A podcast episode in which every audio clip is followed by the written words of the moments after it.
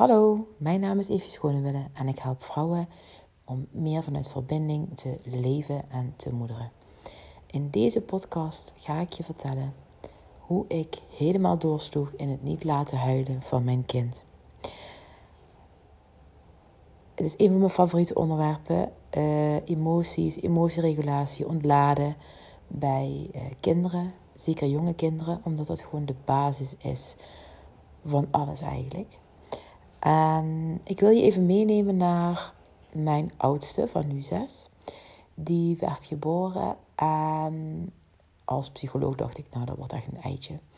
Ik ben bekend met de hele ontwikkeling, met wat er mis kan gaan, wat je kan doen, de hele range. Uh, en ik had er precies helemaal niks aan. Want het is je eigen kind, want je eigen blik met gedoe wordt opengetrokken als nieuwe ouder. Je kinderen zijn uh, echte spiegels. Plus het feit dat het een dijk van een geboortetrauma uh, is geweest bij de oudste, voor zowel hem uh, en mij, als ook mijn man. En we een enorm overprikkelde huilbaby hadden. Reflux, de hele shabam, uren huilen. En ja, dat was nu net wat we niet hadden gehoopt. Wie niet, hè? welke ouder niet. En ik had van tevoren ook bedacht, we gaan, um, we zijn er voor hem sensitief, responsief. Dat is natuurlijk belangrijk voor de hechting. En uh, ja, we gaan hem niet laten huilen. En daar sta ik nog steeds achter in de zin van dat ik uh, niet nooit zal adviseren om je kind alleen in zijn bedje te laten huilen om het maar uit te huilen of om tussen haakjes te leren te slapen of wat dan ook.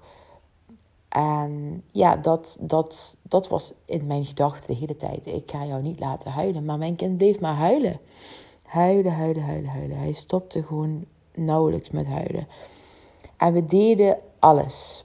We deden alles. We gingen lopen met hem, wiegen met hem, zingen met hem, hupsen met hem, rijden met hem. Uh, dragen, uren in het, hij woonde in de draagzak. Um, in de draagzak op een skippiebal op en neer. Liedjes, um, van die apparaatjes met white noise, um, baarmoedergeluiden. Noem het maar op. De borst. De borst was echt... Uh, eigenlijk bij elke kick uh, bijna gaf ik uiteindelijk toen hij ouder was de borst. Alles om maar te zorgen dat hij niet huilde. Want ik dacht, hij als hij huilt, is het niet goed. Huilen is communiceren en daar sta ik nog steeds achter. Alleen had ik nog niet door wat hij eigenlijk communiceerde. Of ergens voelde ik het misschien wel en durfde het er nog niet aan te gaan. En heel even vast forward, toen hij bijna drie was, was ik op. Ik was op. Ik kon niet meer. Ik had alles gegeven. En uh, hij sliep eindelijk door na drie jaar. En um, verder, ik bedoel, het is, nu klinkt het heel erg kommer en kwel. Het was een heerlijk, verder ook een heerlijke baby. En het was en is een heerlijk kind. En ik zou hem niet anders willen. En dat is even nu de focus op waarom ik het nu, ja, dit verhaal, het, ging, het gaat over het huilen. Maar ik kon niet meer. Ik kon niet meer. En achteraf kan ik heel goed zien wat er gebeurde en wat er gebeurd is.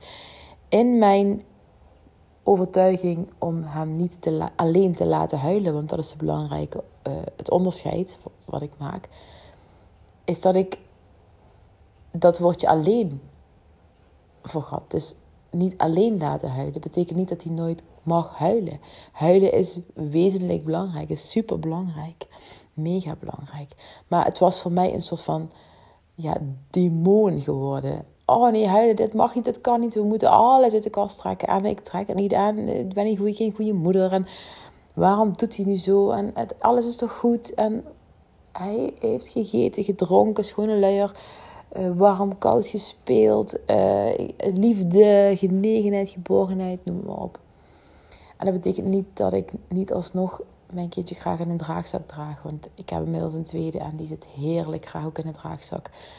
Alleen is de reden waarom. De reden om mijn oudste, zo, zie zo weet ik nu, dat wij hem constant afleiden van zijn gevoel. Want als je een kind probeert te stoppen met huilen, en hij liet zich niet stoppen, want het was zo sterk aanwezig. Maar veel kinderen laten zich misschien wel stoppen, dan ehm, maak je misschien de uiting wel weg, maar het gevoel daaronder niet. En ik weet dat, nu weet ik dat heel erg goed. Ehm, en daarin is het doorgeslagen stukje ook heel begrijpelijk. Ook voor heel veel ouders die ik spreek. Want het huilen voelt bijna zo ondraaglijk. En dat is ook echt niet gek, omdat we bijna allemaal opgegroeid zijn waarin er weinig ruimte was voor het uiten van gevoelens. Of het ontladen zelfs. Laat staan uh, agressie, boosheid. En met agressie bedoel ik niet dingen kapot maken of iemand pijn doen. Want dat is natuurlijk nooit oké. Maar gewoon ah, schreeuwen of gillen of een peuter die een driftbui krijgt. Dat is gezond. Dat is het regulatie, herstel, ontlaatmechanisme van ons lijf. Die weet wat het te doen heeft. Maar we zijn opgegroeid en leven nog steeds grotendeels in een maatschappij, onbedoeld, onbewust. Ik denk het ook met alle liefde door onze ouders is gedaan. En, en hun ouders weer. En nu ook door ons bij onze kinderen en, en, en uh, andere ouders. Met het gevoel dat, ja, dat, dat, dat dat goed is, dat dat goed was. Maar eigenlijk heeft uh, mijn, ja, mijn zoon, ondanks het vele huilen, het vele kunnen ontladen, ook vroeger, toch heel vaak het niet kunnen ontladen. Is hij afgeleid geworden, onbewust door ons, door het wiegen, door het rokken. En hij bleef maar vaker wakker worden, hij bleef maar korte slaapjes doen. Totdat, totdat ik eindelijk durfde toe te passen wat ik al jaren daarvoor las, namelijk hem in mijn armen pakken, aankijken aan laten huilen, laten ontladen. Luisteren naar het opgestapelde verdriet, opgestapelde spanningen. En dat was een hele, hele bak die eerste keer, kan ik je vertellen. Er waren zoveel momenten ook dat hij... We hebben hem altijd vastgehouden als hij huilde. Dus hij heeft kunnen, deels kunnen ontladen. Maar het, we stonden er nooit helemaal open voor, onbewust in de zin. Omdat we toch steeds dachten dat, dat we het moesten stoppen. En dat is heel anders dan dat je open staat en eigenlijk uitspreekt of uitzendt, kan ook zonder woorden. Laat het maar allemaal komen. Ik kan het dragen. Het is oké, je bent veilig. Laat het er maar uit. Ik hoor je. Ik hoor je. En dat heeft zo'n enorm verschil gemaakt voor ons allemaal. Dat is echt ongelooflijk. Hij sliep, hij sliep door, hij sliep beter. Hij kon langer achter elkaar spelen, was minder hangerig, minder jengerig, minder gefocust op, op mij. Um, ja, zat gewoon veel lekkerder in zijn, in vel. Dus dat hebben we ook heel anders aangepakt bij onze dochter. En je ziet gewoon het enorme verschil. Los dat het ook zeker een verschil is in kind. Het zijn twee verschillende kinderen. Waarin mijn dochter veel minder snel overprikkeld is als mijn zoon. En dus ook veel minder snel, denk ik, sowieso huilde en zo hebben gehuild. Maar wel vanaf geboorte eigenlijk. Ja, is opgegroeid met het kunnen en mogen ontladen van die gevoelens. En dat is wel heel bijzonder om te zien hoe zich dat verder ontvouwt. Dus dat is eigenlijk het verhaal van hoe wij helemaal doorschoten, hoe ik doorschoot in het...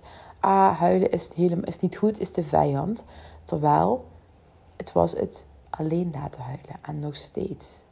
Ik zou nooit, nooit, nooit iemand aanraden om zijn kindje alleen te laten huilen. Cortisol levels is onderzocht stijgen de pan uit.